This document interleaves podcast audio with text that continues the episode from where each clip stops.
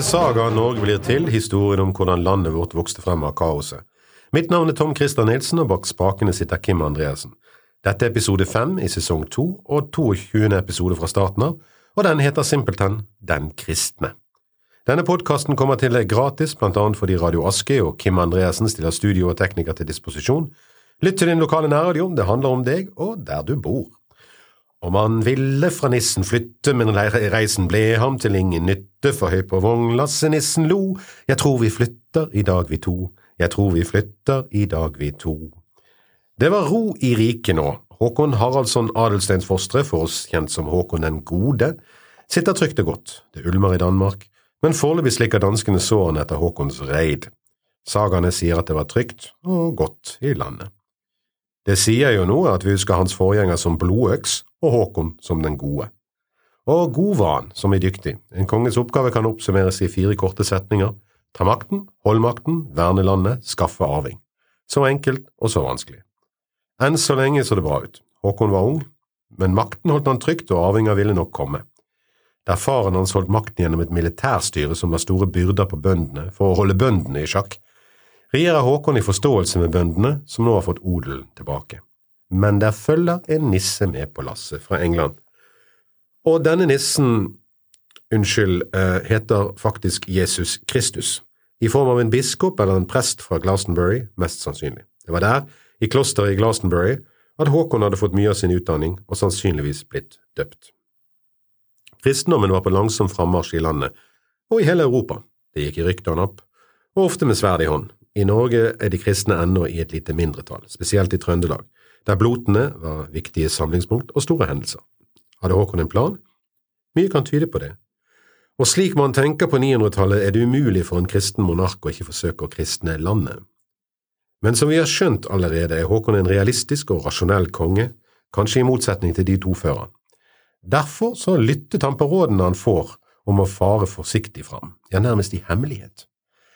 Han ser at det ikke er mye støtte ennå, men han har en tanke om at når han vel har satt seg fast i landet og styret er trygt og makten er overveldende, så skal det kristnes. Han tar noen små, umerkelige steg. Han sjøl holder hviledagen hellig og fredagsfasten. Det bryr ikke andre seg så mye om, han får nå spise det man vil og hvile når man har lyst når man er konge. Litt umerkelig er det også at hans påbud om å feire jul. Historisk har første julefeiringsdag vært hakenatten, eller midtvintersnatten, og tradisjonelt har han holdt tre dagers julefeiring. Nå lovfester Håkon at julen skal holdes på kristen juledato, og at hver mann, han mente frie bonde, skal sørge for at det feires så lenge ølet fra en mæle malt varte. En mele eller mæle er et hulmål for tørrvarer, som for eksempel malt det er ikke helt enhetlig over hele landet, for å si det forsiktig. Før landsloven mye senere setter den til sånn ca. 16 liter, så er det på Håkon den godes tid noe som varierer fra 73 mm, liter malt i Bohuslän til 40 i Nordland og 32 i Trøndelag. Full forvirring om julefylla, altså. Men for oss som er oppvokst med det pietistiske og protestantiske, er det underlig å høre at nordmenn var pålagt feiring av fyll og at de fikk bøter om de ikke lagde øl og drakk det.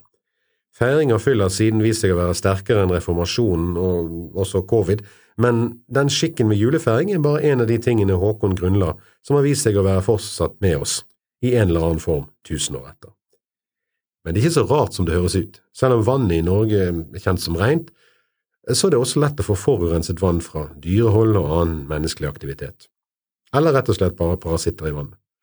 Svakt øl var kanskje det sikreste å drikke, med mindre man kokte vannet.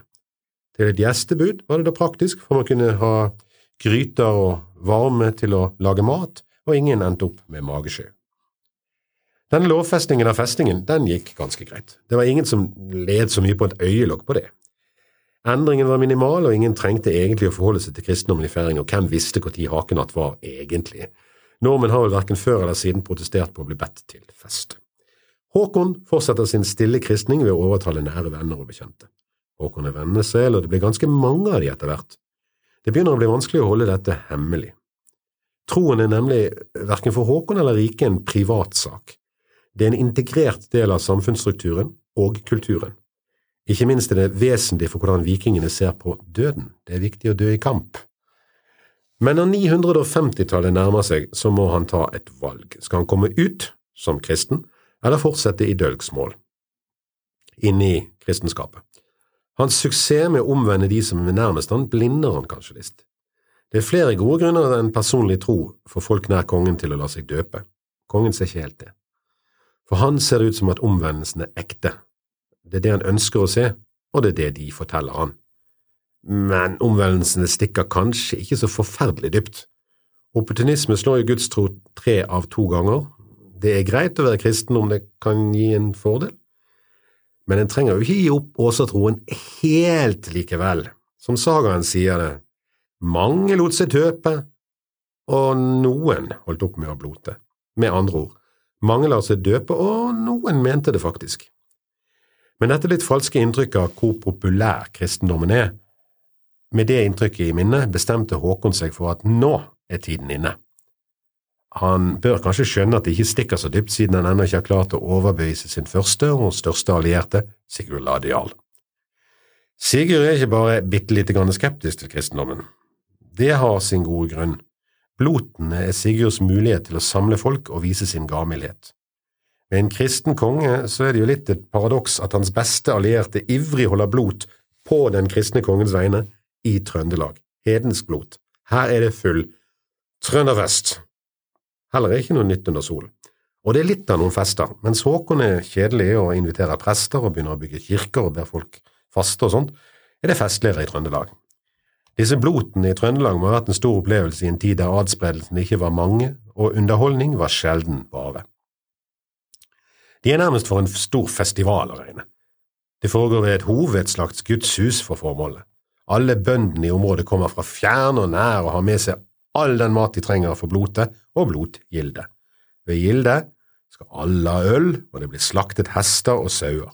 Blodet blir tappet i store boller. Med blodet farges veggene på hovet både på utsiden og innsiden, og stallene. Blodet ble også skvettet på alle de som skulle delta, ikke rart at de kalte det for blot, det er ganske beskrivende. I hovet er det et stort gudebilde i form av en trefigur, som oftest. Kjøttet fra de slaktende dyrene blir lagt i store gryter inn i hovet, og der kokes kjøttet. Det er varmt, og det er tett, og det lukter kokt kjøtt. Og det damper i hele hovet. Det er som en badstue, vikingversjonen av en badstue, med mat. Det er varmt, og det er tett, og så deles drikkehornene ut. Sigurd Jarl reiser seg som skikken er, han er høvding, jarl og den som er vert for gildet. Nå skal han signe begeret og blodmaten. For Odin, for Odin, for kongens seier og makt, for kongen, for Njord, for lykke på havet, for gode trygg seilas, for godt fiske, for lykke på jakt, for rikdom til havs og lands, for Njord, for Frøy, for gode årringer og fred, for Frøy, for Brage, for store dåder og heltegjerninger, for Brage, for min far Håkon, hans minne, for Håkon, og sånn fortsetter det til alle forfedre skålt for å hedre et øl er drukket og kjøttet spist. Uh, og så går de vel og vasker av blodet igjen. Ikke helt sikker på den, men kanskje det. Hvorfor og hvordan i alle dager skal en sober, kjedelig katolsk gudstjeneste på latin konkurrere med dette, ja, til tross for at det ble servert litt vin til nattverden? Svaret er helt klart for trøndermafiaen, ikke på vilkårsjø. Vi er rundt 950 når Håkon bestemmer seg for å utfordre åsatroen og blotene. Lykke til, modig er han i hvert fall, dette lukter trøbbel og blod. Håkon forsøker først med møringene, men de er som møringer alltid har vært, smart nok til å si at nja, nei, en så stor sak, den bør vi ta på det store tinget til trønderne på Frosta. Sier de ja, skal vi også være med. Men eh, vi betaler ikke for kirke og prester, altså. Det får du klare sjøl. Og inga kollekt, altså, det er i hvert fall ikke aktuelt. Håkon må ta saken til tings, til trøndernes store ting på Frosta. Til Lågtun kommer de alle for å delta, møringer, trøndere og kong Håkon. Sigurd Jarl er der, fra Medalhus, dagens Melhus, kommer storbonden Asbjørn. Han og Sigurd har nok snakket sammen på forhånd. Det kan se ut som både frie bønder arbeidsfolk og treller, alle er samlet. Kong Haakon får ordet først. Skal vi tro sagaene er han ikke helt diplomatisk i sin fremleggelse denne gangen. Det virker noe ukarakteristisk, og vi kan vel tro at noe har blitt borte av nyanse i historien. Det her er det han sier. Dette er mitt bud og bønn til bønder og husmenn, mektige og små, og dermed hele mengden, unge og gamle, rike og fattige, kvinner og karer, at alle skal de la seg kristne og tro på én Gud, Kristus, Marias sønn, og slutte med blot og hedenske guder. Nå hostes det i eh, forsamlingen. Slutte med blot! Hørte vi rett? Var det det han sa? Slutte med blot? Er kongen helt på styr? Blot er det kjekkeste vi gjør. Hvem er det som ikke vil bli dynket i blod og spise hestekjøtt og drikke øl? Hallo! Det kunne nok gått så langt om Håkon hadde ordlagt seg godt nok, men så legger han til. Og alle skal holde helg hver syvende dag og faste hver syvende dag. Halleluja. Dermed utfordrer han partene i arbeidslivet i Norge på 950-tallet. Så snart han hadde sagt det, brøt krangelen løs. Som vanlig i Norge så var det tariffdelen av kristningen som skapte uroen, ikke selve kristningen. Daværende versjoner av NHO Bondelaget, også kjent som Storbøndene, sto samlet om at dersom medarbeiderne deres skulle la være å arbeide hver syvende dag, så ville det bli katastrofe for verdiskapningen. Sånn kunne en ikke bygge landet. Korn og avling kunne ikke vente. Den dagen uten mat, den kunne de ikke nødt godta. LO, i form av arbeidsfolk og treller, kunne ikke akseptere å arbeide uten mat, selv om de kunne nok akseptere den fridagen. Dette måtte være arvelig, sa de, Håkons far og frender var alle matkarrige. Med andre ord, de ga ikke ut så mye mat. Alle sammen retter sitt sinne mot kongen. Ingen riksmeglingsmann var å se, for Sigurd Jarl holdt seg klokelig i bakgrunnen. Så reiser Bondelagets leder seg. Det er Asbjørn fra Melhus. Dette er en voksen mann. Han planter beina godt i jorden. Det er farlig, det han nå skal gjøre. Asbjørn skal tale kongen midt imot. Det kan fort gjøre han et hode kortere, men Asbjørn vet at han har bønden i ryggen, og han har nok talt også med Sigurd Jarl om dette. Stillheten faller over forsamlingen. Forventningsfulle rettes alles øyne mot Asbjørn, der han står og ser kongen trassig i hvitøyet. Håkon beveger seg litt og vender seg mot han. Han er urolig. Dette er en sak som ligger han tungt på hjertet. Han tror, som alle kristne, at hans landsmenn er fortapte sjeler om de ikke vender om. Asbjørn rensker halsen og gir sitt svar på vegne av Bondelaget avdeling Trøndelag.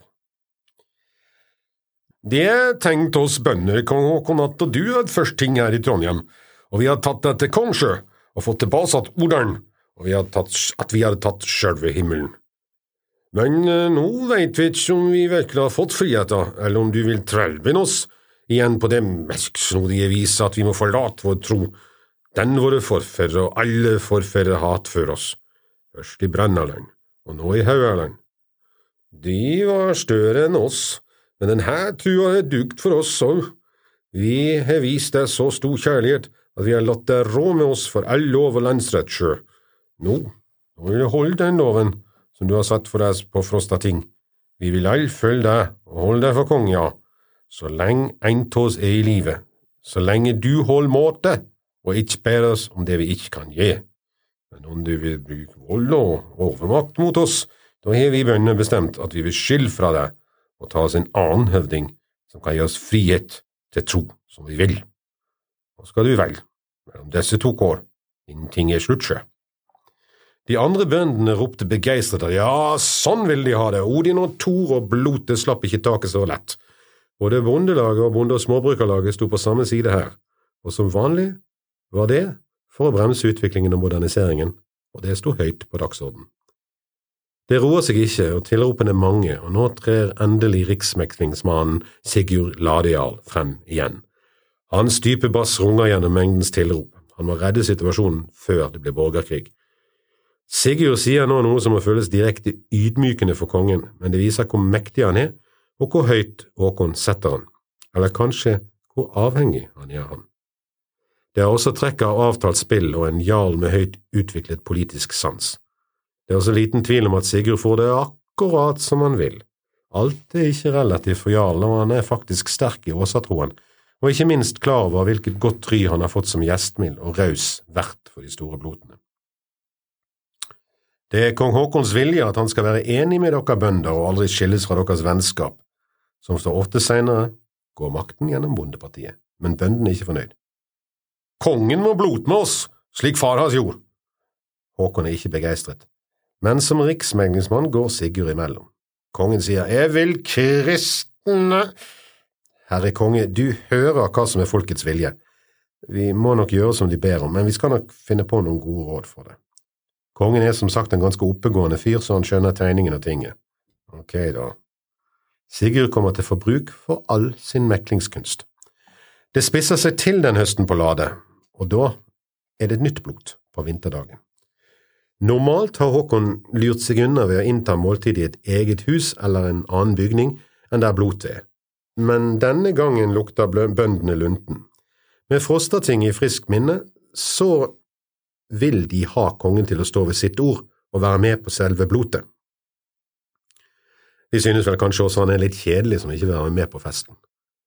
Nå vil de ha han i høysetet under blotet slik skikken er.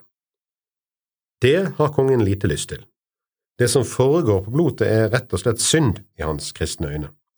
Igjen går Sigurd Jarl imellom og får den kristne surpumpen opp i høysetet. Dette er et problem for alle vet hva som kommer nå, skålene for de norrøne gudene og hestekjøttet. Dette er fullstendig umulig for en kristen konge. En kan kjenne hvordan luften vibrerer av spenning. Kommer han til skåle? Kommer han til spise? Eller blir det bråk? Sigurd Jarl forsøker å avlede det hele ved at han tar den første skålen til Odins ære. Han gir hornet videre til kongen for at kongen skal drikke Odins skål. Men kongen forsøker å sno seg unna på et smart vis. Han gjør korsets tegn over hornet, som dermed vendes fra Odin til Kristus-skål. En slags avansert nattferd i hovet. Sigurd Jarl gremmes. Kan ikke den kongeslampen bare droppe den kristengreia noen timer? Var det noen som så det der? En kår av gryting gjorde akkurat det. Han skjønner i tillegg hva kongen gjorde. Hvorfor gjør kongen det der? Vil han ikke blodsjø?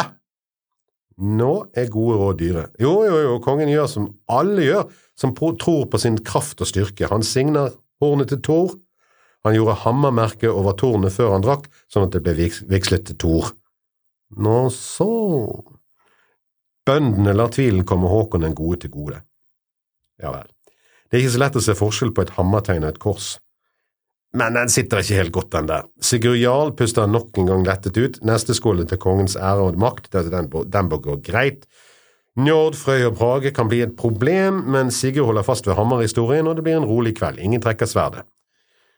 Dagen etter er tvilen tilbake. Nå vil bøndene få dette avgjort en gang for alle. Nå skal det spises hestekjøtt!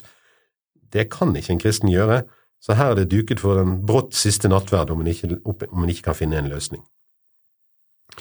Vil eh, kongen eh, ha litt hestekjøtt? hestkjøtt?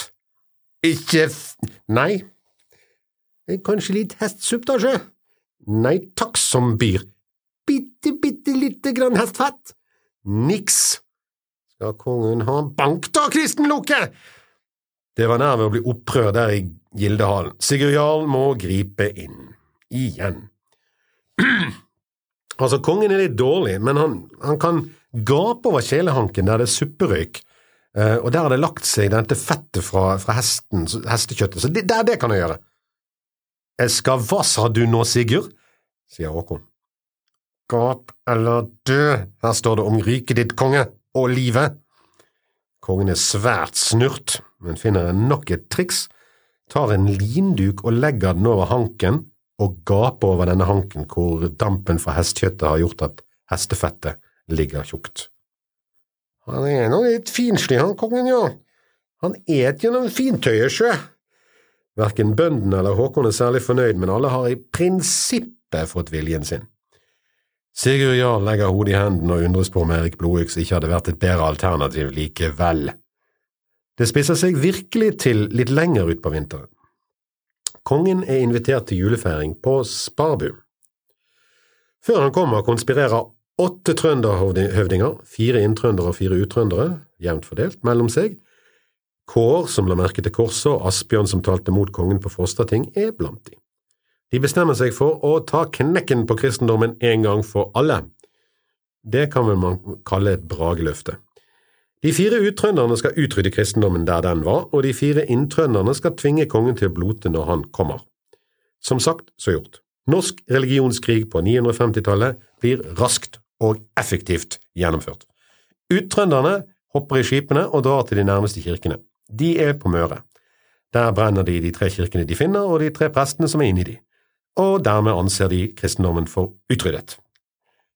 Mm, men når Håkon kommer til Sparbu, er hele Trøndelag på plass. Kongen og Sigurd Jarl kommer i følge og har sine hirder eller hærer med, men det kan se ut som bøndene er enda flere.